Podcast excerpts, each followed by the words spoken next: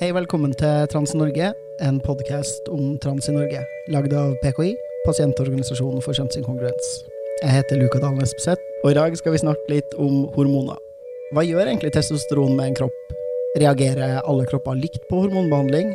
Og hva er det viktig for transfolk å huske på postmedisinsk transition? Dette er noen av spørsmålene du får svar på i dagens episode av Trans-Norge. I dag har jeg med meg Alexander Sørli. Hallo. Hei, hei. Vi kommer til å snakke mest om transmaskuline folk og testosteronbehandling, men vi lover dere at det skal komme en episode som er mer spesifikk på østrogen og femininiserende behandling senere. Ja. Vi gjør det. Tenker kanskje vi skal ha noen damer, eventuelt noen ikke-binære, som Ja. har gjort noe feminiserende behandling i monitor, da. Ja. Tenkte rett og slett at det kanskje ikke er liksom to personer som virkelig ikke vil ha østrogen, liksom, som skal kjøre hele samtalen om østrogenbehandling og alle dens positive virkninger. Det er veldig artig når man sitter og leser om sånn ting som skjer med kroppen når du starter på østrogen og testosteronbehandling. Man finner jo gjerne ofte denne informasjonen på samme sida, uh, uavhengig av hvilken retning man har lyst til å bevege seg i. Mm. Og så sitter man og leser, og så er sånn Hvorfor, hvorfor vil du det her? Ja, det er det er sånn der den evige tingen hvor ja, man har jo det til felles at man er trans, men uh, de, hva man faktisk ønsker seg, da, eh, ut av liksom sin egen kropp og sånn, det er jo ofte liksom bare fullstendig motsatt. Ja. Men det er jo veldig hyggelig at man kan ha litt den derre eh, empatien likevel, da. Er sånn, jeg aner ikke hvorfor du vil ha pupper, men jeg er veldig glad for at du er glad for at du har fått det. Ja. Det er, kan, jeg, jeg ser gleden, og jeg, jeg tror på det, men jeg bare Det er jo forståelig, Ja. men jeg tror på det, og jeg respekterer det. Og det tenker jeg jo er en approach som kanskje cis-folk generelt burde ha til transfolk. Dere forstår det ikke. Dere burde tro på det, se det, anerkjenne det, og glede dere på våre vegne. Helt enig. Så testosteron. Testo, testo, testo, testo. Vi kan jo starte med å bare si litt kort om hva hormoner er, da. På et helt, altså ikke kjønnshormoner spesifikt, men hormoner liksom generelt i en kropp. Og da er det jo veldig flaks at vi har med oss en sykepleier og en biolog her i dag, for å prate litt om det. Å nei, nå satte jeg veldig høy standard for hvor, hvor flinke vi må være. Jeg skulle til å si, jeg tror ikke de fleste liksom, sykepleiere, meg selv inkludert, kan liksom ekstremt mye om hva hormoner er liksom grunnleggende sett. Jeg vil jo tro at definisjonen av hormoner er signalstoffer i kroppen som skrur av eller på gener, eh, og genene, hvis de er skrudd på å lage spesifikke proteiner og stoffer i kroppen, da. Det stemmer. Altså, sånn, tenker kanskje det viktigste med hormoner er jo på en måte at de setter i gang prosesser som kroppen har en evne til å gjøre sjæl, hvis det gir mening. Ja, så det er litt viktig å huske med liksom testosteron, at testosteron bare skrur på masse gener og får kroppen din til å lage ting, som skjegg og Det kom bare ett annet eksempel på hva testosteronlaget. Ja. Og det tenker jeg er sånn viktig å forstå, at man jo endrer jo ikke genetikken til et menneske, eller måten kroppen vår faktisk er satt sammen på, eller sånn grunnleggende prosesser i kroppen ved å tilføre hormoner. Mm. Og så er det jo veldig ofte sånn at når man snakker om hormoner, så tenker man jo veldig ofte på kjønnshormoner, men det er jo klart, altså, insulin og en del sånne type ting er jo også hormoner. Men når vi snakker om det her, da, så snakker jo vi selvfølgelig om særlig disse kjønnshormonene, da. Og da spesifikt om testosteron. I dag spesifikt om testosteron. For det er klart det er jo veldig mange av disse kjønnshormonene også, for så vidt, da. Det er sant, men testosteron er jo det eh, Det er et hormon som absolutt alle mennesker har. Ja, eller eh, det er jo ikke alle som har det. Altså, du kan jo eksempel eh, ende opp med å ikke ha noen egen produksjon av, av testosteron, men sånn i utgangspunktet med det vi regner som en liksom sånn type normalt hormonproduserende kropp, liksom. Så ja, det, det inkluderer altså cis-kvinner, som også produserer testosteron. Mm. Testosteron vil i de aller fleste kropper ha en sånn effekt på hvor man kan si at det gir en, et visst energinivå, ofte bidragsytende for hvor høy libido man har, eller om man har libido i det hele tatt, Mm. og sånne type ting. Det stemmer. Eh, Men det har jo ingen direkte maskuliniserende effekt på kroppen i sånn, med tanke på hvordan du ser ut eller hvordan du høres ut, før man er oppe i et visst nivå av testosteron. da. Og sånn i gjennomsnitt så har vel den liksom gjennomsnittlige cis-mannen ti ganger testosteronnivået til den gjennomsnittlige cis-kvinne, tror jeg.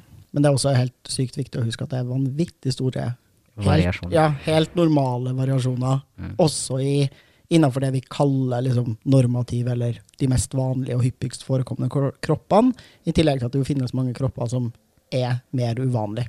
Ja, og det, det endrer seg jo også ofte i løpet av et liv.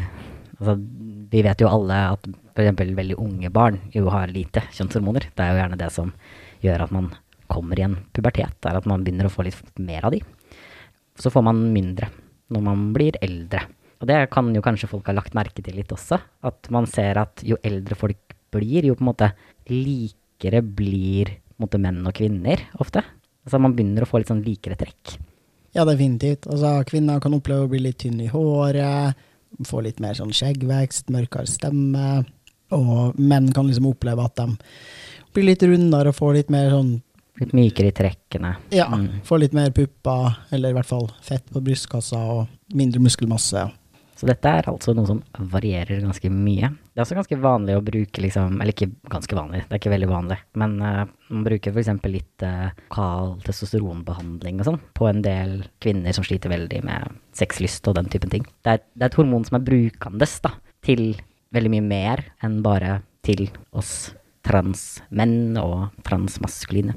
Ja, det er et veldig fint hormon. Jeg er veldig glad i testosteron. Jeg er også ekstremt glad i testosteron. Men sånn det faktiske hormonet. Jeg er ikke glad i testosteron som en sånn macho-konsept. Eh, Å nei, å gud, nei. Altså, jeg vil ikke ha noe sånn eh, testoinfisert rom. Det sånn, når man kommer ned i et rom og bare kjenner at det lukter testosteron, og tenker jeg, nå blir det dårlig stemning. Ja. Det er jeg ikke noe fan av. Nei. Men inni kroppen min, mm, deilig. Ok, men hvis vi skal snakke om liksom testo, da. Hva gjør det i litt større doser når man Eller egentlig til hvilken som helst kropp, da. Hva skjer, liksom? Altså, en av de effektene som testosteron har, er at de gjør det svamplegemet som de aller fleste av oss har mellom benene. Herregud, hva skal jeg si det? Det svamplegemet de fleste av oss har mellom beina. Ja, Mellom benene! benene. Ja. Testosteron gjør at det svamplegemet ditt vokser, da.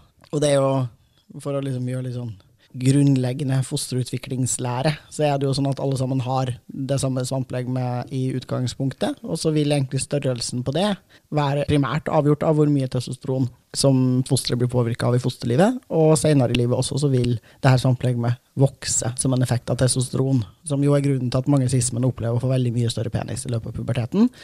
Det gjør også at sammenlignet til folk som ikke har penis, sånn medisinsk sett, blir større hvis man tilfører testosteron også senere i livet.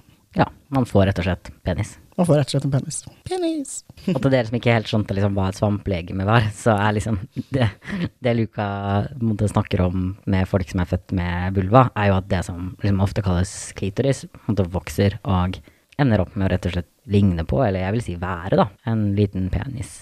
Og det er jo ikke sikkert at alle dere har liksom sett transmenn som har gått på testosteron lenge, nakne, selv om det jo selvfølgelig sikkert noen som har søkt opp eh, her og der. Det finnes på internett. Det finnes definitivt mye porno, mye spennende man kan se på. Kanskje da har du ligget med noen, kanskje har du en sjæl, selvfølgelig. Men eh, det er definitivt tilfelle at folk som har gått på testosteron lenge, da, og som er født med vulva, deres underliv ser ikke ut som en gjennomsnittlig siskvinne, for å si det sånn. Så det er en- en av effektene som testosteron har. I tillegg så er det jo testosteron som gjør at eh, man får eh, eh, Testosteron i en viss mengde vil også påvirke stemmebåndene dine, sånn at stemmen din blir mørkere. Og de aller fleste som produserer testosteron selv, vil jo ha en sånn periode med stemmeskifte. Og det får man også hvis man tilfører testosteron til kroppen senere. Og da får man en eh, mørk stemme, som jo veldig mange oppfatter som maskulin. Ja, det her har jeg faktisk tenkt litt på. Bare en interessant utfordring når man lager podkast, for jeg tror folk skjønner stemmen til folk i det daglige. Jeg tenkte mye på det før jeg begynte på testosteron, hvor jeg merka at akkurat stemmen min var det som gjorde at folk tenkte at jeg ikke var mann i noen settinger, eller som outa meg som trans da, i andre. Og så har jeg ikke tenkt så mye på det siden, som et av de mange deilige privilegiene med å ha fått den behandlinga jeg har lyst på, liksom. Men jeg tror når vi bare hører stemmer, at vi veldig fort tenker hvorvidt det vi hører på, er en kvinne eller mann.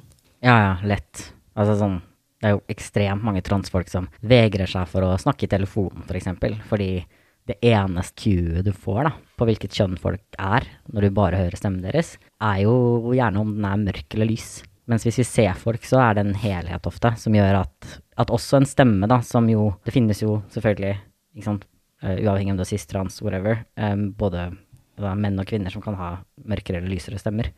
Um, sånn at når vi på en måte ser helheten i uttrykket, så kan jo folk ofte leses riktig. Selv om de har en androgyn stemme, liksom. Når det bare er lyd, så, så blir stemme veldig, veldig viktig. Det er sant. Og så vil testosteron gjøre at kroppen din eh, blir mer hårete. Definitivt.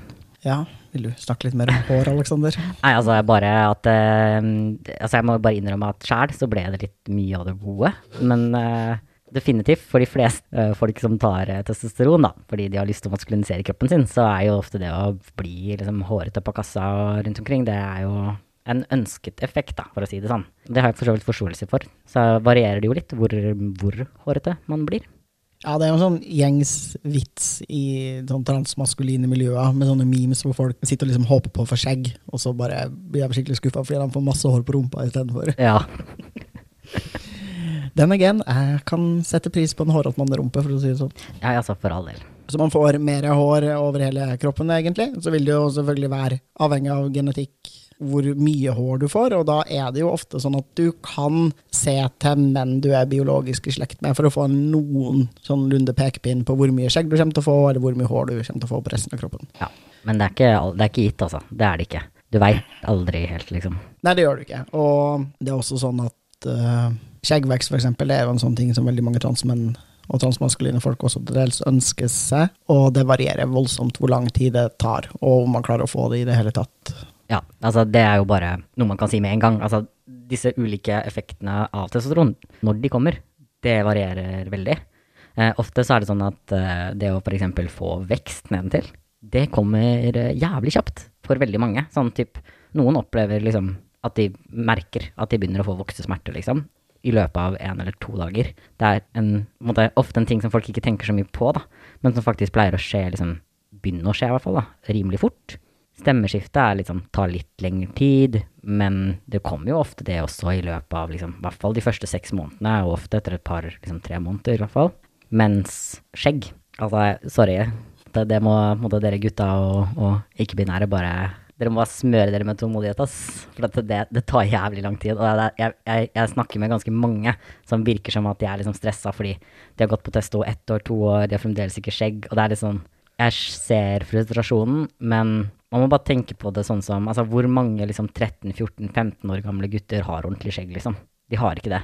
Det er liksom noe du får ikke sant, i begynnelsen av 20-åra, og da har jo de hatt testo de liksom 6-7 år. Det er en ting som tar lang tid, liksom. Altså, å få ordentlig fullskjegg er det jo mange menn som faktisk ikke får før også i slutten av 20-åra og begynnelsen av 30-åra. Og det, jeg kjenner masse folk som liksom begynner å få skjegg nå, etter å ha gått på testo i 5-10 og kanskje 15 år, da. Ja, ja, og altså, det skal jo også sies at liksom, noen får aldri ordentlig skjegg, liksom. Altså, jeg har uh, si, betydelig mer uh, skjeggvekst enn min cis-mannlige partner, liksom. Han har definitivt tatt testosteron lenger enn meg, da. Naturlig. Det er faktisk en av de vanligste ikke-komplimentene jeg får fra sismen. Jeg er sånn herre Å, fy søren, du har mer skjegg enn meg, da. Det er urettferdig. Og det blir sånn Ja, nei, det er det ikke. Fordi jeg har grodd skjegget mitt selv, og det har du òg. Og hvis noe er urettferdig her i verden, så er det at jeg er trans, skulle jeg si. Men det er ikke urettferdig. Men cry me a river. Ja, det er sant, jeg har også fått det. Altså, du, og du, du er jo mer hårete enn meg, du. Også sånn innimellom når jeg liksom har ligget med cis-menn, at uh, det er sånn her Og du har jo mer hår på kassa enn det jeg har. Det er helt tydelig at uh, transmenn kan nok utfordre liksom, maskulinitetsfølelsen til en del cis-menn. Ja, det, det tror jeg definitivt. Altså, jeg tror at uh, det er en del som måtte bli litt sånn Altså, det er jo varierende grad, for jeg skal ikke si at liksom, det å påpeke det liksom, alltid er en kjip ting. Mange gjør det jo bare som en sånn flørt, liksom. Sånn, du er så macho, liksom. Type kompliment, og det er jo bare hyggelig. Men uh, det er definitivt noen hvor du måtte føle at ja, her er det litt sånn Man får litt issues, liksom.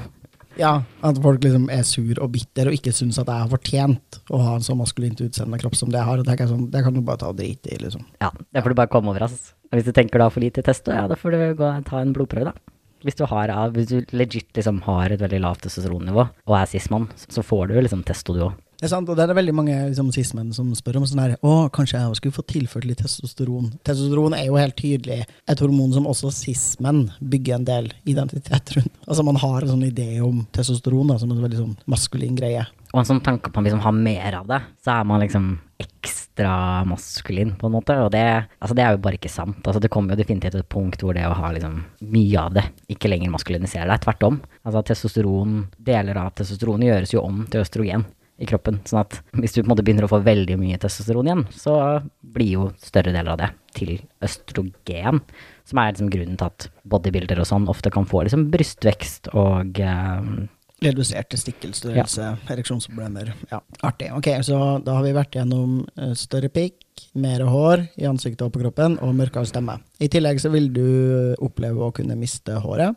Og der eh, har ikke jeg funnet noe sånn veldig konklusiv forskning på det, men det virker som det arver ca. på samme måte som for andre, altså for sismen, da. Og da vil det jo være å se på familiemedlemmene sine, og så vidt jeg har forstått det, så er menn på morssida di, eller på den mm. Jeg kan ikke si mor hvis du ikke har en mor. Herregud, det var normativt. Ja, det man vil Fødeforelderen? mm. Cis-menn på fødeforelderen din sin side. Kanskje vi bare skal fucking si fødeforeldre, bare innføre det som begrep. Kanskje ja, kan vi ikke bare gjøre det, da? Ja, kanskje fødeforelderen din ikke er mora di, liksom. Det er mange grunner til at det kan la være skje. Men ja, det, de vil være mest, den beste indikatoren på hvorvidt du kommer til å miste håret eller ikke. I tillegg så har jeg hørt rykter om at transmenn i større grad enn cis-menn mister håret. Men det vet jeg ikke om faktisk er sant, eller har noe hold i virkeligheten. Jeg har ikke, noe, jeg har ikke sett noe forskning på det, i hvert fall. Jeg føler at jeg har liksom lest ganske mye rundt, men jeg skal også innrømme at det ikke har vært liksom hovedfokuset mitt å prøve å finne ut av. Men uh, Nei, og så er det faktisk verdt å nevne, og det syns jeg er litt sånn viktig, mm, også når vi snakker om hvor lang tid en del endringer tar, da, er at veldig få studier følger opp spesielt av de kroppslige endringene av hormonbehandling, noe særlig over tid. Så jeg, når jeg leser sånne uh, ja, forskere og akademikere som redegjør for liksom, hvor langt fram i tid du kan forvente maskuliniserende effekt av testosteron, så syns jeg de feilvurdere og undervurdere det. De er sånn her, ja, også etter tre år, så da får du ikke noe mer skjegg, eller da får du ikke noe mer kroppshår. Mm. Og det er ikke sant, da. De tingene her mm. fortsetter å skje resten av livet ditt, akkurat sånn som det gjør hos cis-menn, da. Mm. Cis, cis-menn. Det blir veldig ekkel lyd når man sier cis. Skjær i ørene hver gang jeg sier cis. Det er helt greit. Det skal skjære litt i ørene når man sier cis. Ja, nei da. Men um andre effekter av testosteron? Andre effekter av testosteron? Altså, du bygger muskler lettere. Det tenker jeg det er jo en sånn liksom velkjent eh, effekt av det. Det er jo en av grunnene til at testosteron regnes som altså, Det er jo anabole steroider, men altså det brukes også i liksom bodybuilder-miljøer og den, den, typen ting. Man får ofte en eh, fettfordeling som er annerledes. Altså, det er ikke sånn at man nødvendigvis får liksom mer eller mindre, men det legger seg på andre steder, da. På kroppen, rett og slett. Så på en måte mindre av det legger seg rundt eh, f.eks. hoftene, og mer legger seg på magen, er jo sånn typisk ting, da. Altså sånn, ikke så mye rundt liksom pupper og hofter og lår, men eh, ja, mer sånn typisk hvis du tenker at folk liksom legger på seg litt når de er menn, at de liksom oftere har den her magen, da, sammenligna med den liksom mer sånn type klassisk liksom såkalt kvinnelige liksom former, da. Mm. Så er det jo noen psykiske endringer også, da, som en del folk opplever. Ja, økt libido, eller altså økt sexdrift, mm. eller det å ha lyst til å runke og pule mer, eh, opplever jo ganske mange. Det er uh, ekstremt vanlig, og, og, der tør jeg påstå at det ikke bare er psykisk også. For jeg tror at en del av tinga som det kommer når du tar testosteron, er liksom, kan være vanskelig å skille da, fra bare det faktum at liksom, du har fått behandling, du føler deg mer vel i kroppen din med de her endringene som gjør at liksom, verden ser ganske annerledes ut. Da. Men dette her med særlig libido er jo veldig, veldig kjent. Altså, dette er jo også grunnen til at man innimellom bruker testosteron for å behandle cis-kvinner som sliter med libido. Altså, man blir ofte liksom kåt. Mange blir veldig, veldig kåte. Og for de fleste så er jo det helt uh, fint. For noen er det ekstremt plagsomt. Og uh, for noen er det veldig uvant. Det er jo noen som også rapporterer at de egentlig ikke har vært liksom Altså hatt noen særlig interesse i sex og sånn, da. Og så plutselig så får de testosteron i kroppen og bare Å, herregud. Jeg, ok. Puling. Det er en ting, liksom. Det er gøy. Ja, og hvis det er noen som er litt sånn her gryende nettopp starta på testo der ute, det blir litt bedre. Hvis du nå syns det er litt slitsomt. Det, er sånn her, det går både litt over, og så blir du vant til det. Så det føles ikke ut som at det kjennes ut som du har så vanvittig høy sexdrift hele tida. Du blir litt sånn her, ja ja. Ja, Hvis du er på en måte i den situasjonen nå at du må drive og liksom ta pauser for å gå inn på dass og runke, liksom, når du studerer, sånn kommer det ikke til å være liksom resten av livet ditt, mest sannsynlig. Ja, mest sannsynlig. Og ellers må du bare ta pauser da, og gå på dass og runke, liksom. Det er helt greit, det. Det er for så vidt helt sant. Ja, no shame.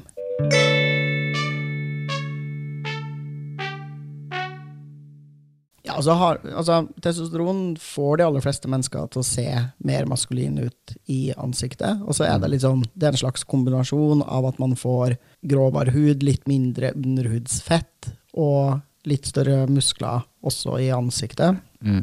Det vil man gjerne se på folk, da, at man får mer maskuline trekk. Sure, og det er definitivt også en ting, altså sånn type huden endrer seg. Altså man får liksom en grovere hud, altså bare østrogen gjør huden myk, liksom. Uh, og ja, så, så det er definitivt liksom ting som skjer. Noen får kviser og sånn også. Det er også ganske vanlig, liksom, på testo. Og noen er jo veldig plaga av det, og da kan du selvfølgelig oppsøke, oppsøke hjelp for det, altså. For noen går det over, for noen så måte fortsetter det å være et problem, og da må man kanskje behandle det. Hårtekstur er en sånn morsom ting som jeg tror ikke veldig mange vet om, og det er jo jeg som et eksempel på. Jeg hadde helt rett hår. Og jeg begynte på testo, og et par år etter at jeg begynte på testo, så hadde jeg skikkelig krøller, liksom. Altså bare heftig korketrekkere som bare vokser oppover, liksom. Altså at håret mitt bare kunne ikke falle ned lenger. Veldig, veldig weird. Men jeg kjenner også flere andre som har fått krøller. Ja, jeg jeg, jeg snakka litt med både cis- og transmenn om det der med liksom å miste håret som mann. da.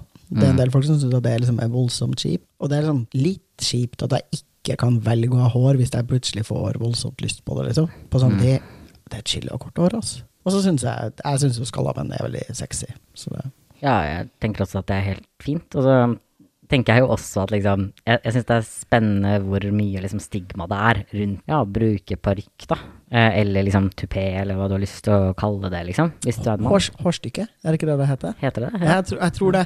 Jeg, det, var, jeg, det har jeg lest litt om. Jeg har lest egentlig det meste om liksom, hårtapp og måter å ta det vekk på. Så har jeg aldri liksom helt orka, for de fleste tingene er ganske dyrt, og jeg syns ikke det er et liksom, kjempeproblem. Men jeg tenker også at hvis jeg plutselig får råd, så hadde det vært kult å ha hårdel, det de kaller det. Ja. Det hadde vært kult å ha hår, liksom. Noen ganger. Bare vært sånn at Det må jo også være helt greit å kunne bytte mellom. Og sånn ja, jeg skal ha innimellom, så har jeg hår. Deal med det, liksom. Ja, ja, og på en måte, de ser jo realistiske ut også. Altså sånn, man har en veldig sånn stereotyp idé, da, tror jeg, av hvordan parker ser ut, eller hvordan sånne hårstykker ser ut fra filmer og sånn, som noe som er veldig sånn åpenbart. Men altså, jeg har sett masse folk som har liksom ekstremt fine, realistiske liksom parykker. Et perfekt eksempel på confirmation bias. Altså, hver eneste gang du har sett et, en parykk, da, så, er, så har du sett den fordi du har sett den. Uh, og så har du sett masse parykker som du ikke har lagt merke til har, har vært det. Ja, ja. Så da vil du jo få bekrefta din idé om at det kan du se. Men jeg tenker på det er bare Det er så latterlig også. Altså, jeg tror kanskje det er særlig et stigma mot menn, da, å ha det. Men uh, altså, herregud, fordi- så flott. Ja, Liksom. fordi vi skal liksom ikke få lov til å være forfengelige eller gjøre ting aktivt med utseendet vårt. Da. Det er jo bare helt bullshit. Hvis du har lyst til å ha hår og ikke ha det, liksom, gjør det. Helt enig. Ja. Det største problemet er vel at det er relativt dyrt, og jeg tror ikke Hvis du er kvinne og mister håret, inkludert faktisk transkvinner til i hvert fall en viss grad, Mm. så får man jo parykk og sånn dekt av staten. Det Mm. får jo ikke menn, fordi man da tenker at det må man bare deale med. Det er så veldig spennende, på en måte, at du liksom får det dekka. Selv om det ikke nødvendigvis er sykdom som gjør at du mister det, da. Ja, man kan jo miste det helt av seg sjæl, og så er det bare Mm. sånn fordi det er så normativt. Kvinner må ha hår. Ja, oppløst og vedtatt at kvinner skal ha hår, så Mm. gir vi det til dem. Så hva er liksom noen potensielt negative sider med testosteron? For jeg tenker jo alt det her er jo supert, liksom.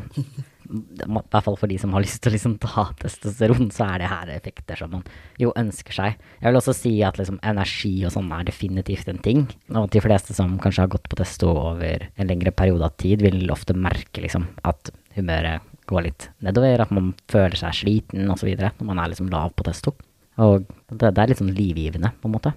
Det finnes jo noen ting også ved testosteron som ikke er helt ideelt nødvendigvis. Ja, en ting som testosteron fører til, er at du får høyere blodprosent, altså større andel med røde blodlegemer i blodet. Det har den positive effekten at det umiddelbart vil øke oksygenopptaket ditt, og dermed gi deg basically bedre kondis. Men det er relativt fort gjort, i hvert fall når du tilfører testosteron, at det kan bli litt for høyt. Og da, enkelt forklart, må hjertet ditt eh, jobbe litt hardere, og du har litt større sjanse for Ja, altså generelt liksom hjerte-karsykdommer. Det er en grunn til at menn i større grad dør av hjerte- og karsykdommer enn det liksom kvinner gjør, og man tenker at testosteron er en av risikofaktorene, da. Så det er definitivt en ting. Ja. Og så Skal vi snakke om tissen, da? Ja, skulle vi ikke Eller jo, jo, jo, jo. Ja. Ja. En ting som eh, Altså, uh, slimhinnene i skjeden, og også delvis rundt urinrøret og i urinrøret, er avhengig av et visst nivå av østrogen for å fornye seg og holde seg elastisk og fuktig og produsere fuktighet. Og det er en effekt av testosteron som i hvert fall over tid vil gjøre seg gjeldende for ganske mange. At man blir mindre fuktig og mindre elastisk i liksom, slimhinna. Mm. Hva, hva, det betyr, da. Forresten, det kan, det kan, være relevant å nevne at liksom, innimellom så kan man høre liksom, særlig eh, transfober og sånn er veldig opptatt av å bruke liksom, begrepet sånn vaginal atrofi, som jo høres ekstremt liksom, dramatisk ut. Men i liksom, fagspråk så betyr det egentlig bare at slimhinnene ikke produserer så veldig mye fuktighet sjæl. Altså sånn Vaginal atrofi er på en måte for så vidt noe som alle vil oppleve i løpet av et liv når du kommer i uh, overgangsalderen, f.eks. Eller hvis du bare generelt har liksom, et litt lavt østrogennivå. Og måte, hvordan det kan påvirke, er jo at det kan, hvis det blir liksom mye av det, så kan det bli liksom plagsomt når du går og liksom gjør ting. Men det vanligste er jo at det liksom er plagsomt når du har sex. At du liksom ikke blir så veldig våt, da. Når du blir liksom kåt. Eller ellers, for så vidt. Det øker jo også litt sånn hvis du bruker så Selvfølgelig, alt det her er jo bare et problem hvis du for det første fremdeles har en skjede.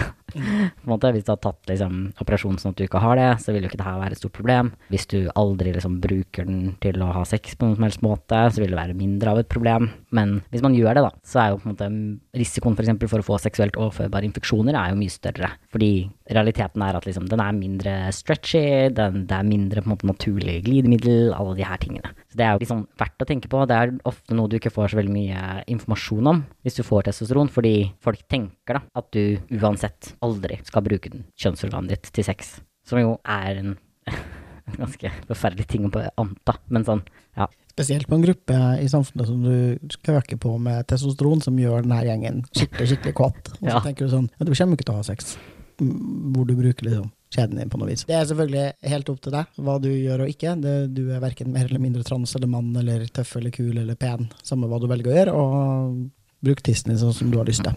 Men hvis man liker å bli pult, da, for å si det sånn, eh, og man har lyst til å bruke liksom, det såkalte fronthullet, som folk liker å kalle det eh, ja. ja. Nei, altså, jeg syns det er et helt fint ord, jeg, for så vidt. Jeg syns det er så latterlig at folk liksom henger seg opp i at liksom, noen transmenn bruker det spesifikt når det gjelder puling. Det er sånn her, det var, ja, det her var jo en sak for, for mange år siden hvor Tonje Evgård skrev en sint kronikk hvor hun prøvde å påstå at alle transfolk ville at vi skulle slutte å si vagina og skjede, og alle skulle si fronthull fra nå av. Som selvfølgelig er en helt oppkonstruert problemstilling som aldri har skjedd. Det er noen transmenn som refererer til det som medisinsk kalles for vagina, som fronthull, liksom. Bare som en sånn praktisk. Og ja. forklar til folk hvilket hull du skal bli pult i, da. Sånn Basically. Ja.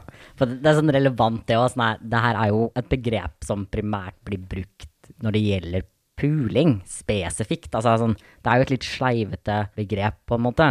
Hvor man er litt sånn her Ei, du skal bli pult Hvis du skal bli pult, liksom. Det er sånn OK, du har to høl, da. Sånn, du har ett foran og ett bak, liksom. Brukes litt sånn i dirty talk, da, fordi du ikke syns det er så jævla hot å snakke om liksom, ja, vagina, da eller liksom fitte eller skjede eller what the fuck ever, liksom, når du er en mann. Det er bare sånn her at media skal henge seg opp i liksom hvilke dirty talk-begreper som transmenn bruker, eller hvordan man snakker om liksom puling. Altså, jeg blir helt Jeg klikker. Ja, jeg skulle si, jeg gleder meg til VG slår opp en stor sak hvor de har funnet at noen homofile cis-menn sier guttefitte om revhølet sitt, liksom. Ja. Og så skal lage en stor sak ut av hvor forferdelig det er. altså, jeg, jeg håper da håper jeg det blir en sånn sak hvor det er sånn her homofile vil erstatte begrepet anus med guttefitte. Nei, homofile approprierer kvinnelige genitalier og kaller det ekle rumpehullet sitt for guttefitte. Det er ikke greit. Fitte er en kvinneting. Herregud, det der må du ikke si engang, fordi jeg lover deg liksom Turfstad bare kommer til å bare kjøpe det, liksom. Og bare være sånn her, det er helt sant. Hvordan våger de? En fitte er jo ikke bare til å bli pult, liksom. Den er jo et nydelig organ som man blør ut av, og ja, masse fine ting. Fødekanalen. Uff a meg. Tror ikke jeg kan se for meg noe mindre sexy å kalle det. Altså. Nei. Så det er jo en, en, av de negative effektene av testosteron. Har vi noen flere som vi kan nevne? Nei, altså det kommer kanskje litt an på. Jeg tror kanskje noen vil se på det her som negativt. da, Som er at liksom, det å ta testo gjør ikke umiddelbart at du ikke kan bli gravid. Vi har ikke egentlig noe særlig som tyder på at testosteron fjerner evnen din til å bli gravid, men det har de heller ikke forska på Altså sånn, De har forska på det, men bare fram til sånn maks fem år på testo. Og da virker det som det går ganske greit å bare slutte på testo, egentlig, og så bli gravid hvis man har lyst til å gjøre det. Man veit jo at på lang sikt så det blir jo liksom Disse eggstokkene blir jo litt mer og mer slitne. Men hvorvidt du ser det som positivt eller negativt, det kommer jo litt an på hva du ønsker deg. Veldig, veldig mange ikke-binære og transmenn som tar testosteron, har jo ikke lyst til å bli gravide. Og da kan det jo måtte, både være litt negativt hvis du ikke måte, får den preventive effekten som du ønsker deg, og være positivt at du kanskje seinere får den ved at du ikke lenger kan bli gravid. Mens det kan være litt sånn motsatt, da, kanskje, hvis du har lyst til å bli gravid, at det er litt usikkert hvor bra den evnen vil være. Når det er sagt, så er nok evnen din til å bli gravid hvis du har gått på testosteron lenge og hatt et relativt høyt nivå, ganske lav mens du går på den, men den er ikke null, liksom. Nei, så hvis du har regelmessig en form for sex som du tenker at kunne, altså, teoretisk kan føre til graviditet, så bør du snakke om prevensjonsmidler i tillegg til testosteronbehandling. da. Mm. En ting jeg har litt lyst til å si, da, selv om det ikke handler så mye bare om testo, er jo at vi snakker om dette med egentlig, vet du hva, bare på trass, la oss kalle det fronthullet. Altså at på en måte, fronthullet da, kan bli mer tørt, at man kan få liksom plager nedentil. Det er noe man kan gjøre noe med.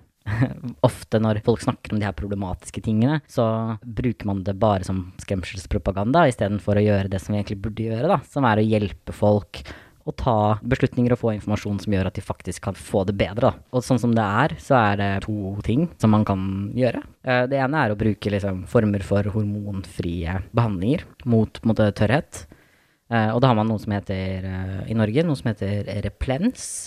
Som man kan kjøpe på apoteket helt reseptfritt, og som veldig mange får ekstremt god virkning av, rett og slett. Um, det bruker man ofte liksom hver tredje dag. Man rett og slett putter det opp i fronthullet og uh, dytter inn. Og da er det en slags kjennes ut som måte, glidemiddel, basically. Uh, og måte, sover med det. Man tar det ofte om kvelden. Og for veldig mange så funker det fett. Uh, det er lindrende på eventuelle plager, og hjelper også å bygge opp igjen slimhinnen så lenge du på en måte går på den. Det andre alternativet, hvis det ikke fungerer, er at man rett og slett bruker en lokal østrogenbehandling. I Norge så kan du også få det reseptfritt for øvrig, men jeg anbefaler selvfølgelig at du måtte, snakker med helsepersonell først. Og det gjelder primært fordi at f.eks. For noen former for livmorhalskreft er sensitive til liksom, lokal østrogenbehandling. Men hvis du ellers er frisk, da, så er dette så lav dose da, østrogenbehandling at du ikke vil få noen effekter, da, annet enn at det vil fungere på fronthullet. Ved at du liksom putter basically enten en pille, du kan ta på en måte gel, piller, krem, litt forskjellige ting som du bruker lokalt. Putter det inni, sover med det. Hvis du gjør det regelmessig, så får du på en måte tilbake igjen østrogen, men bare veldig sånn hyperlokalt. Det funker ikke på resten av kroppen, blir ikke liksom feminisert på noen andre deler. Det er liksom bare der. Og det har en ekstremt høy suksessrate. Altså sånn, det funker da, for de aller, aller fleste. Sånn at det er ikke ikke fortvil, på en måte. Det er ikke en 100% liksom kur, men det her er en behandling som funker skikkelig bra, da, og som folk i veldig liten grad blir informert om at er der. Ja, så det burde alle som tilfører testosteron og som har et fronthull samtidig, bare vite om. da. Det er helt riktig som Alex sier, det har ikke noe effekt på resten av kroppen så du kan bare puste. Jeg vet at veldig mange transmaskuline folk og transmenn er sykt negative til å tilføre østrogen til kroppen sin, og blir litt dysforisk bare av ordet østrogen. Du har østrogen i kroppen fra før, alle har østrogen, det er ikke farlig, og det her er ikke nok da, til at du, du får pupper eller noe annet over natta. Nei, altså, testo er liksom ekstremt heftig, da. Det overkjører jo østrogen. Og det er jo på en måte grunnen til at uh, transkvinner uh, da ofte må ta liksom testoblokkere i tillegg til østrogen. For hvis du bare tar østrogen, men du har relativt høyt testosteronnivå, så overkjører det. Og sånn er det uansett, da. Det gjør at hvis du tar den østrogenen, så den, den klarer liksom ikke å vinne. I hvert fall ikke så små doser, så den testoen du tar, den vinner. Ja. I stein, saks, papir så slår testosteron østrogen. Ja. Ja. Det finnes flere effekter av testosteron som folk rapporterer om, men det er veldig lite som er sånn dokumentert av faktisk en effekt av testosteron. Det kan være ja, endringer i hvordan du tenker og føler deg, hvordan du forstår verden, endringer i, i kroppen din som er vanskelig å skulle påvise om er en direkte effekt av testosteron, da, som finnes. Du får ikke kreft i eh, eggstokkene eller livmoren. Altså, det, det finnes det ingen evidens for at det er tilfellet. Tvert imot når man har prøvd å se på det, så har man ikke sett noen sammenheng. Og grunnen til at jeg sier det, er fordi at det er en løgn som veldig mange helsepersonell bruker spesifikt for å få folk til å fjerne eggstokker og livmor, og jeg syns det er en heslig praksis da, som skjer mange steder, både her i Norge og i andre land, hvor man rett og slett sier til folk at hvis du ikke fjerner ekstra livmor, så kommer du til å, så har du en veldig stor sjanse da, til å få kreft i de. Og det finnes det null forskningsmessig belegg da, for å si. Så hvis Riksen prøver å presse deg til å gjennomgå kastrering mot din vilje med argumentet om at du kan få kreft, så er det altså en løgn. Ja, altså du kan jo sikkert få kreft, men uh, vi har ikke noe evidens på at uh, testosteron øker den sjansen. Det som er liksom retningslinjen nå, er at hvis du har uh, eggstokker og livmor så, og livmorhals, så bør du sjekkes regelmessig for livmorhalskreft, men ikke noe oftere enn det som er anbefalt for cis-kvinner. Og det er da hvert tredje år etter at du har fylt 25 år. Det er riktig. Nå har vi jo snakka litt om hvordan testosteron fungerer, og da har vi tatt utgangspunkt i hvordan det fungerer på en slags gjennomsnittskropp, eller de kroppene som oftest finnes i verden. Tenkte vi kunne prate litt om hva som skjer hvis du tilfører testosteron til en kropp som kanskje er sammensatt litt annerledes enn normen. Ja, altså alle, alles kropper er jo i utgangspunktet forskjellig, men det er jo også noen som har hormonelle sammensetninger fra før av, som gjør at kanskje ikke at nødvendigvis det å liksom, ta testosteron som sådan eh, gjør at, måte, at, virkningen av den vil være anner veldig annerledes, men f.eks. at dosene vil være veldig annerledes. Og en av grunnene til at jeg syns det her er litt sånn viktig, da, er fordi jeg tror ikke folk skjønner hvor mange som selvmedisinerer på uh, hormoner. Men det er ekstremt vanlig. Det var kanskje liksom hakket mer vanlig før enn det er nå, fordi det er flere private tilbydere da, som faktisk er villige til å skrive det ut. Men selv nå så er det det er vanlig. Og greia med å selvmedisinere, og med selvmedisinere så mener jeg folk som ja, får deg venner, kjøper det på nett, kjøper det på liksom ulike arenaer for ja, doping, anabole steroider, den typen ting. Eh, og pro problemet da oppstår jo på en måte primært hvis man har en kropp som ikke reagerer som vanlig på den behandlingen.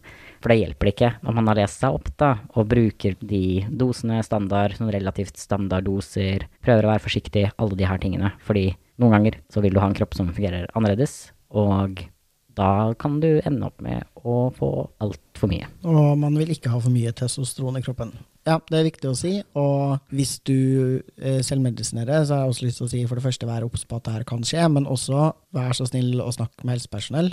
Fordi det er faktisk sånn at en fastlege i Norge plikter å gi deg helsehjelp, også hvis du velger å ta hormoner på egen hånd. Da. Det betyr at fastlegen din er nødt til å ta blodprøver og sjekke verdiene dine av testosteron, og kan også gi deg konkret medisinsk rådgivning på hvorvidt du kanskje burde ta mindre eller ta det sjeldnere. Da. Ja, og hvis du er, har et uh, mannlig juridisk kjønn, så vil veldig ofte blodprøver du tar som er uh, hormonelle ting, ha referanseverdier som er basert på de du skal ha, da, basically. Sånn at hvis du bare tar det privat også, så vil du få en hormonell screening som viser i hvert fall litt, da, om du er noenlunde innafor. Så er det selvfølgelig ikke anbefalt å selvmedisinere, men uh, det er jo noe som folk gjør. Hvordan vil man merke det, da? Hvordan kan man merke det, hvis man har for høye eller for lave testosteronnivåer? Altså, jeg veit helt ærlig ikke. Som sagt, en av de tingene som skjer, da, er jo at man får liksom et høyt uh, østrogennivå også, som jo kan oppleves uh, kjipt for mange. Altså, jeg hadde sjæl veldig høyt testosteronnivå lenge, fordi jeg gjorde nettopp det her. Altså, jeg selvmedisinerte helt utenfor helsevesenet, tok ikke noen prøver eller noen sånn på forhånd. Jeg visste for så vidt før jeg begynte at jeg hadde en kropp som reagerte litt annerledes på kjønnshormoner, eller spesifikt på østrogen. da. Jeg hadde ikke tenkt at det ville liksom påvirke hvor mye testosteron jeg skulle ta. Og jeg var ganske forsiktig når jeg begynte. Jeg brukte gel, som er sånn som man smører på kroppen hver dag. Og jeg brukte litt mindre enn det som er liksom standard daglig dose, da. I hvert fall i Norge. Alle kompisene jeg kjente som hadde fått det av en lege, de gikk på en dose som var litt høyere enn det jeg brukte når jeg selvmedisinerte. Så jeg vil jo si at jeg prøvde å, å faktisk være litt forsiktig. Og når jeg da først fikk behandling etter hvert, da, gjennom helsevesenet rett og slett, og tok Eh, blodprøver, så hadde et vanvittig høyt testosteronnivå som bare var innsides det det skulle vært. da. Hadde også da fått en Hadde påvirka leveren min. Testosteron kan gjøre det. Særlig hvis man får for mye av det. Så det er en av de tingene som man måler. Så um, jeg, jeg veit ikke. For meg så vil jeg egentlig bare si sånn her. Ofte så er det ikke, det er ikke gitt at du vil merke det i det hele tatt. Og at det kan ha substansielle effekter på kroppen din som kan være skadelige, da. Blodtrykk er en sånn annen ting som jeg kjenner andre som har fått veldig høyt blodtrykk fordi de har hatt for høyt testosteronnivå uten at de har visst det. Og det er ikke alt tydelig hvorfor det skjer, da. Noen kropper bare er annerledes. Og for meg så var det definitivt tilfellet. Så jeg endte opp med å måtte gå på en veldig mye lavere dose, egentlig, da, enn alle jeg kjenner, fram til jeg fjerna eggstokker og livmor, hvor jeg plutselig måtte øke dosen min igjen. Så det var jo si, interessant. Jeg vet ikke helt hvorfor det var sånn, men uh, basically, kropper er rare, og selvmedisinering er noe som stort sett går helt fint, men som alltid vil være litt av en risikosport, da. Hvis du har lyst til å gjøre det, så ja, vær, vær forsiktig, i hvert fall. Gå og, og ta de blodprøvene. Du kommer ikke til å bli anmeldt av fastlegen din hvis du sjekker ting. Og eventuelt også hvis det er liksom cis-folk som hører på. Alle jeg kjenner som selvmedisinerer, gjør det fordi systemet er fucka. Altså, ting tar så lang tid da, at det blir uholdbart å stå i over tid. Altså, jeg fikk jo diagnose etter hvert, men det handler også litt om hvor lang tid det tar, da. For meg så tok det vel, ja, tre-fire år, tror jeg, fra første gang jeg sa til noen som var helsepersonell, at jeg var transseksuell og trengte liksom kjønnsbekreftende behandling, til jeg faktisk fikk det da, av den norske stat. Det er lang tid, da. For mange så er det liksom uholdbart, og det ender opp med at man selvmedisinerer. I hvert fall tatt i betraktning at de aller fleste av oss har tenkt ganske mye på at vi er trans, før vi sier fra til en helsearbeider og faktisk oppsøker helsehjelp. Det er jo gjerne sånn at vi oppsøker helsehjelp i det øyeblikket vi er 100% sikre på at det er riktig, da. At kjønnsbekreftende behandling er det riktige valget for oss. Vi har allerede tenkt på og tvilt og vært usikre de av oss som opplever det, ganske lenge, da, og vært redd for hele det prosessen med å komme ut og fortelle verden hvem du er, og sosial transition. Så for veldig, veldig mange folk så vil du gjerne ha gått i hele livet, eller fem, sju, ti, 15 år, da, og visst det her. Så når du oppsøker helsevesenet, så er det stort sett fordi det er ganske akutt. da. Det er faktisk da du trenger helsehjelp, og da er fire mm. år en evighet i et ungt menneske sitt liv. da. Ja, absolutt. Og det kan jo også sies at altså, ja, definitivt. Sånn, de fleste har tenkt over det dritlenge og kommer ut fordi det har blitt så krise at det ikke er holdbart lenger. Da. Du bare sprekker. Det er en veldig vanlig historie som folk har. Og så er det også tilfellet at når du først har kommet ut som trans, og du lever da, som et annet kjønn enn det du fikk tildelt ved fødselen, så er det å enten ikke passere i det hele tatt, som jo er en opplevelse som mange har, eller det å være typ i den situasjonen som jo jeg var i, da. Hvor jeg jo på en måte passerte, men som noen som var veldig androgyn. Altså hvor jeg ble lest som en mann, men som veldig feminin, som veldig Noen som hadde en kropp, da. Ja, bryter med normer for kjønn, egentlig, da. Det å eksistere i det spacet der hele tiden er også ganske intenst hva gjelder liksom trakassering og diskriminering. Enten det er liksom feilkjønning, eller i kraft av å bli ja, lest som noen som står imellom kjønn, da, eller har en kroppslig utgangspunkt som er veldig avvikende fra det vi mener at de bør ha. Og det å stå i det sånn sosialt også, er en stor belastning, da, som gjør at liksom mange har et insentiv til å begynne på hormoner på eget initiativ hvis det tar en fuckings evighet. Mm. Jeg får lyst til å nevne alder òg, for det tenker jeg det er relevant både for voksne, men spesielt kanskje også for tenåringer, at det å være eh, pre-transition og passere eller bli lest som riktig kjønn, da, vil ofte også medføre at du blir lest som veldig, veldig ung. Og det er også en ikke ubetydelig sosial belastning. Altså sånn, du, du kan være en 12-13-14-15 år gammel transgutt, da, og så blir du lest som gutt fordi du uttrykker deg som det, men folk tenker at du er elleve mm. år. Mm. Eh, og det samme kan liksom skje når du transisjonerer når du er i 20-30-åra. At folk mm. sier sånn, jeg 'Jeg lest deg som mann, men jeg tror du er 19'. Mm. Og det er faktisk ikke så jævlig rått å være en mann på 25 eller en mann på 35, og så går alle sammen rundt og tror at du går på videregående. Ja, du blir ikke tatt seriøst, da. Jeg tror for min del så var nok det også litt det som gjorde at jeg følte at jeg hadde litt dårlig tid, fordi jeg på en måte var en tenåring altså når jeg begynte, og det, det, er lettere å bli lest som ung eh, når det på en måte faktisk er ganske ung. Og jeg tenkte sånn her, jeg må begynne å se voksen ut samtidig som jeg faktisk begynner å bli voksen. Det å bli stuck, da. Og føle at nå skal alle andre bli voksne, men jeg skal bare fortsette å bli behandla som om jeg er et barn, når jeg på ingen måte opplever meg sjæl som det. Det er ikke kjønnsdysfori, men jeg tenker at det er en, eh, definitivt en form, en måte, da, hvor kroppen din blir tolka sånn at du ikke blir møtt av andre som den personen du faktisk er, som er belastende. Og så hadde jeg lyst til å bare si, vi snakka jo om hormoner og det her med å ta blodprøver, hvor viktig det er. Og da har jeg bare lyst til å kritisere Riksen litt, for det har vi gjort overraskende lite i denne episoden her. Mm. Um, og det Riksen har jo et hormonvelde som ikke ligner grisen. Altså for det første så gir dem uh, Vi skal snakke mer om det i den episoden om transkvinner transfeminin og østrogenbehandling, men de gir veldig høye doser med både testosteron og også østrogen og, eh, testosteronblokkere. Og den overgangen kan oppleves ganske heftig for en del folk, spesielt en del unge folk. Altså, eh, en, en testosterondrevet pubertet vil jo gå sånn at du starter med relativt lave testosteronnivåer, og så bygger de seg opp over en del tid. Mens eh, transmenn og transmaskuline folk, vi blir bare, eller transmenn på Riksen, fordi det er det eneste de tar inn og gir behandling til, blir over natta putta på fulle, voksne mannedoser Mm. med testosteron. Og det er en ganske heftig overgang, Mm. eh, fysisk og psykisk, å gjøre det såpass raskt. Det burde de definitivt ikke gjort. De burde, altså, folk burde fått raskere tilgang på behandling, og så trappa opp hormoner. Rikshospitalet er også notorisk dårlig på å ta blodprøver av transfolk. Mm. Og du bør ideelt sett ta selvfølgelig en blodprøve før du starter, hvor du tester, ser på leververdier og alle hormonnivåene dine, så du vet hva utgangspunktet for kroppen din er. Så bør du ta det relativt raskt etter at du har starta opp hormoner. Og så bør du egentlig ta det hver tredje måned det første året, tror jeg. Mm. Og så to ganger hvert år i ett til to år, litt avhengig av hvor, hvor stabilt du ligger. Og så en gang i året resten av livet. Mm. Og jeg har snakka med folk som går på Riksen som er sånn Jeg har gått på testo i to år. Jeg har ikke vært inne på en eneste blodprøve. Mm. Og hvor fastlegene heller ikke følger opp. Én fordi de ikke har kompetanse, og to fordi de tror at de her pasientene deres blir godt fulgt opp da, på den nasjonale behandlingstjenesten for transseksualisme, eller kjønnsinkongruensen de påstår at de er en behandlingstjeneste for.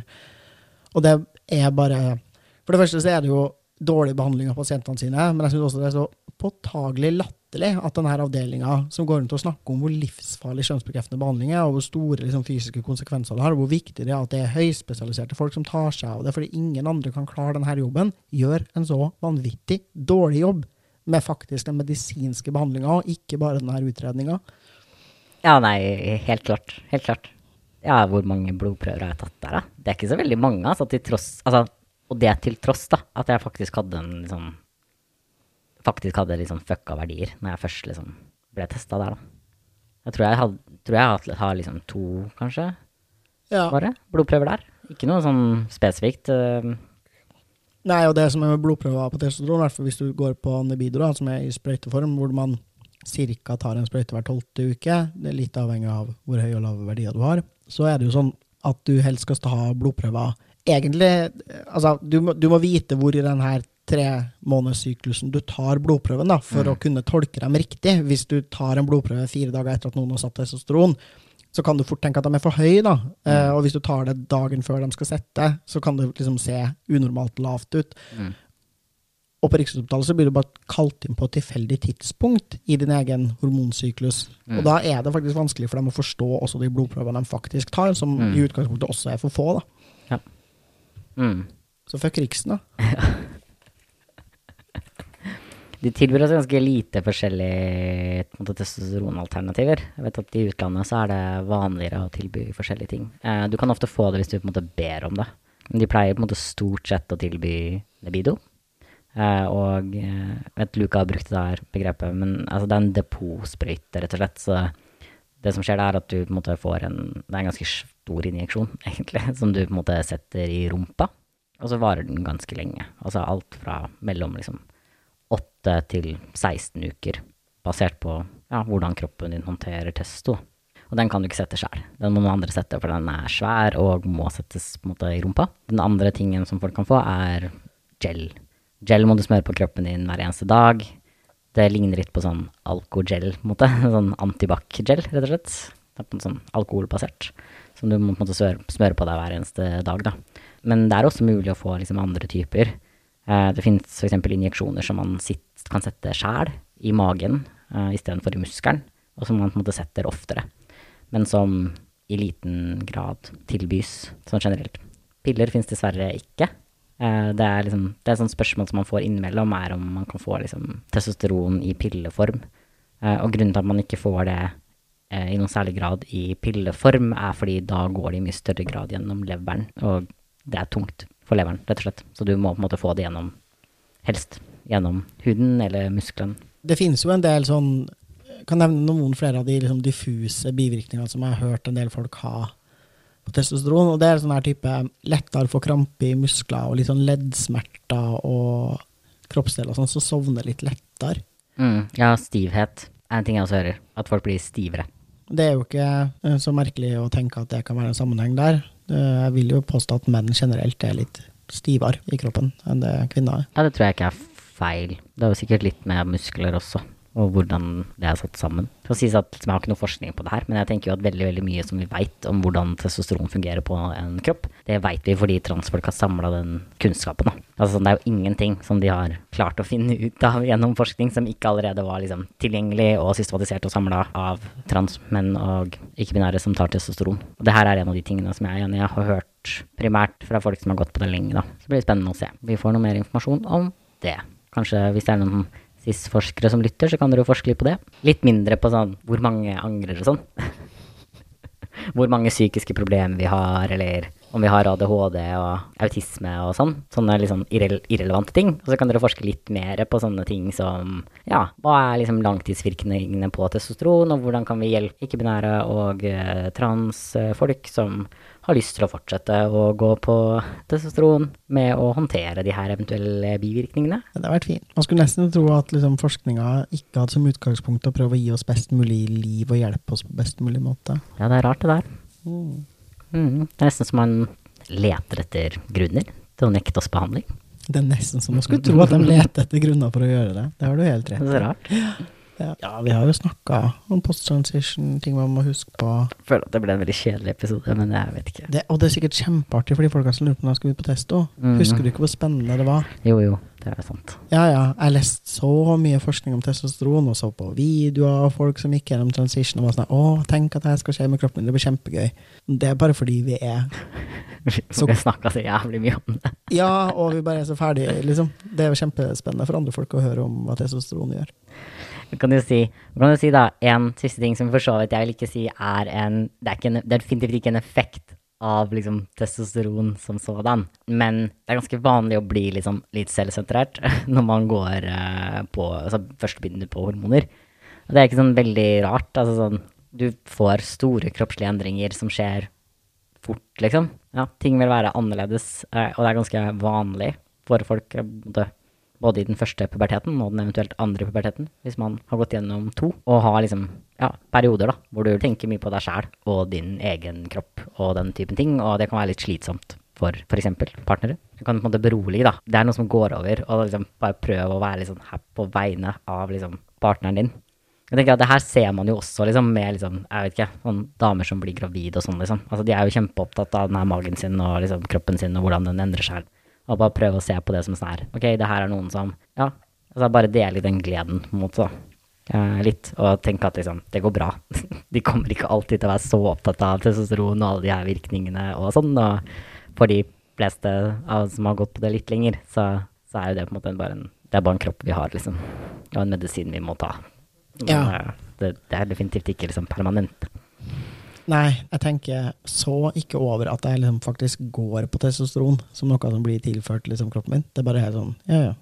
Nei, det er veldig morsomt, fordi jeg føler at i begynnelsen var jeg bare sånn obsessed. Altså, jeg bare tenkte så mye på liksom, når skal jeg ta det neste gang, og liksom Altså, jeg ville jo aldri glemt det, men det er sånn her Nå så er det jo bare sånn her Plutselig så er jeg liksom flere uker over liksom, når jeg skal sette testoen, og bare fy faen, det her er hvorfor jeg føler meg dårlig, liksom. Altså, det går fra å være en sånn ting som du tenker mye på, da, til å bli liksom bare en sånn maintenance-ting som det hadde vært veldig chill å slippe, på en måte, å, å tilføre.